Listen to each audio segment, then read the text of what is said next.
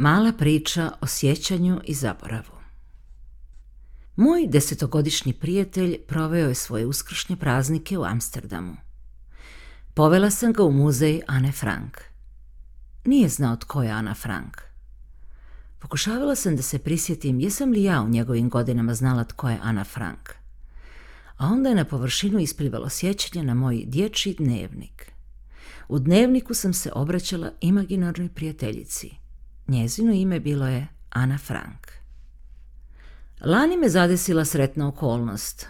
Dva mjeseca družila sam se sa studentima komparativne književnosti na jednom njemačkom fakultetu. Neki od mojih studenta govorili su tečno po nekoliko jezika. Mladi, svjetski ljudi. Imala sam slobodu da držim predavanja o čemu god sam htjela.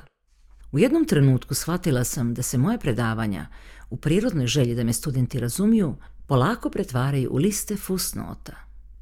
Moji studenti su znali tko su Lacan, Derrida i Žižek, ali je broj knjiga koji su čitali bio zapanjujuće mali. Spomenula bih ime Časlav Miloš. Moji studenti nisu znali tko je Časlav Miloš. Spomenula bih riječ samizdat. Moji studenti nisu znali što je to samizdat. Razumljivo, mladi su, mislila sam, i krenula da im objasnim. U nekim bivšim komunističkim zemljama rukopisi su se rasprostranjivali ilegalno, u kopijama, otipkani na pisaćem stroju, rekla sam. Onda sam shvatila da nisam u stanju objasniti što je to indigo kopirni papir i što su kopije. Naprosto zato jer nisam bila u stanju objasniti što je to pisaća mašina. Pisaće mašine tavore u limbu zaborava. Nema ih još po muzejima, a ne mogu se više naći u trgovinama. U sličnom limbu zaborava tavori cijela istočnoevropska kultura, stvarana u vrijeme komunizma. Bila je to zanimljiva kultura koja je ujedinjavao sličan ideološki pejzaž, pejzaž komunizma. Činjenica je da je najbolji dio te kulture rođen iz otpora prema komunizmu iz kritičkog mišljenja, i subverzije koja se ispoljavala na različite načine, u različitim žanrovima, kao underground kultura ili kao oficijelna kultura, često s duplim dnom. Mnogi od nas još uvijek pamte sjajne poljske, češke i mađarske filmove, odlično kazalište, kulturu samizdata, kućnih izložbi, kazališnih predstava, kritički orijentirane mislioce, intelektualce i disidente, mnoge knjige čije se subverzivnost nastavljala na tradiciju istočnoevropskih avangardnih pokreta. Sve je to, nažalost, iščezlo. Sve je prekrila neumoljiva stigma komunističke kulture.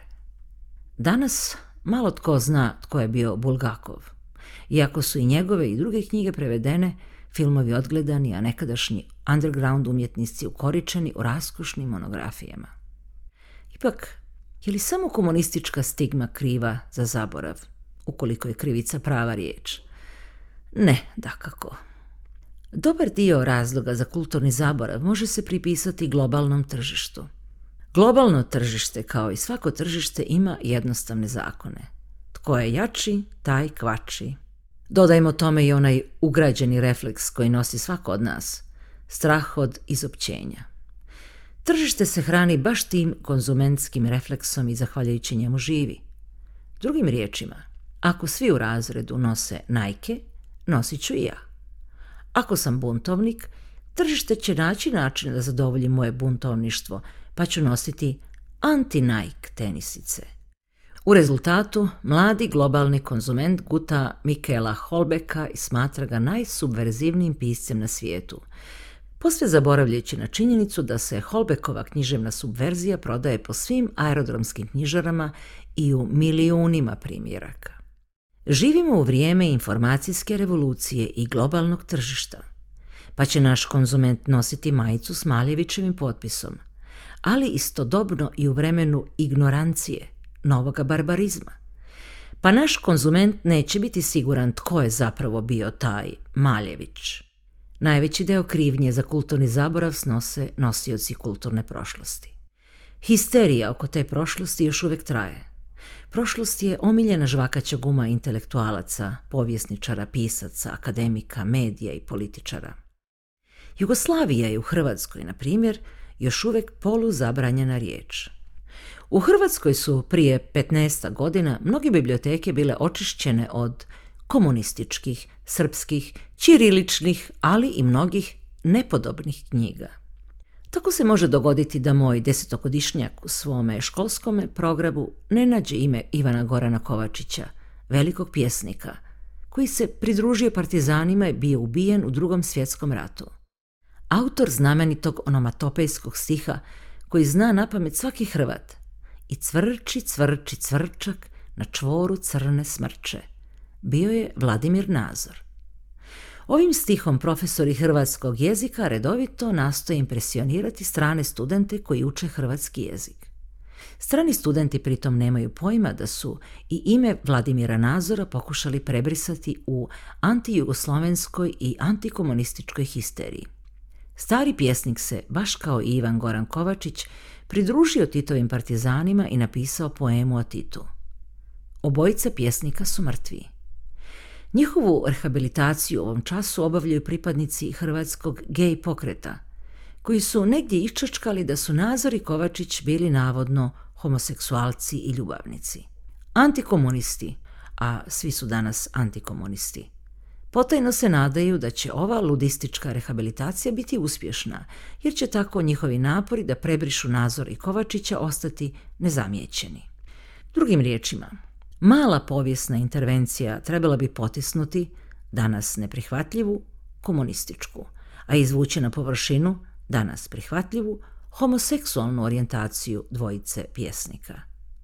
To je samo mali primjer šizofrenije u kojoj žive ti koji šizofreniju proizvode i njezini konzumenti, ali i primjer za šizofreniju cjelokupne tranzicijske postkomunističke kulture. Zašto moj desetokodišnjak ne zna tko je Ana Frank? Za vrijeme nedavnog boravka u Zagrebu odgledala sam jutarnju televizijsku emisiju Dobro jutro Hrvatska, inače omiljenu emisiju moje mame. U kratkoj povijesnoj rubrici ispričana je priča o djevojčici Lej Deutsch, kazališnoj glumici, zagrebačkoj miljenici i hrvatskoj Shirley Temple. Ljubazni glas spikerice pratio je smjenjivanje fotografija na ekranu. I onda je jednoga dana Lea Deutsch bila strpana na vlak koji je vozio prema Auschwitzu, ali nije stigla na odredište jer je u vlaku umrla. Nakon tolikih godina tek je lani jedna zagrebačka ulica dobila njezino ime – Zašto je djevojčica bila strpana u vlak? Tko ju je strpao na vlak? I da li je to što je nakon toliko godina jedna ulica dobila njezino ime implicira da su komunisti branili da se njezinim imenom nazove ulica? Da li to znači da je ulica dobila njezino ime zahvaljujući novim demokratskim vlastima? Lea Deutsch je bila židovka i Hrvatska Shirley Temple. Nakon što je Himmler osobno posjetio Zagreb i Antu Pavelića 1943. godine vlasti nacističke NDH, da bi udobrovoljile Himmlera, strpale su Leu Deutsch i njezinu porodicu u vlak za Auschwitz. A ulicu je dobila tek sada, jer su nove vlasti, koje nikako da se jasno i glasno odrede prema fašizmu NDH ili to čine mlako, odlučile da malo properu vlastiti imidž i učine ga politički korektnijim. Vratimo se mome desetogodišnjaku. Zašto sam ga povela u muzej Ane Frank? Zato što je muzej prilagođen za djecu njegove dobi. Istina, pred muzejom su uvijek dugački redovi turista, a i muzej je smješten u samom srcu grada. Vjerujem da većina posjetilaca ponese sa sobom priču o hrabrim holanđanima koji su skrivali i štitili porodicu Frank. Postoji još jedan muzej u Amsterdamu, Holandski muzej otpora – taj se nalazi nešto dalje od centra i pred njim obično nema redova. Iako njegov naziv sugerira suprotno, a u Muzeju otpora posjetilac može saznati podatke o tome kako su holanđani denuncirali svoje sugrađane židove. Što više, čini se da su u tome bili marljiviji od drugih evropljana. Za svaku denuncijaciju dobivali su malu novčanu nadoknadu. U svome redizajniranju prošlosti Hrvati se ne razlikuju od Holanđana – kao što se holanđani ne razlikuju od mnogih drugih ljudi. Drugim riječima, svi smo mi ljudi i svi mi, državice, institucije, mediji, političari, škole, učitelji, povjesničari i nadobudne gospođe, poput mene, koje su odlučile da isprave stvari, radimo na sjećanju i zaboravu, na aranžiranju i rearanžiranju povijesti. Svatko od nas, svatko na svoj način i iz svojih razloga, svatko u svome domenu. Eto zašto sam povela svog malog prijatelja u muzej Ane Frank. Možda ću ga idući put povesti u muzej otpora, a možda i neću.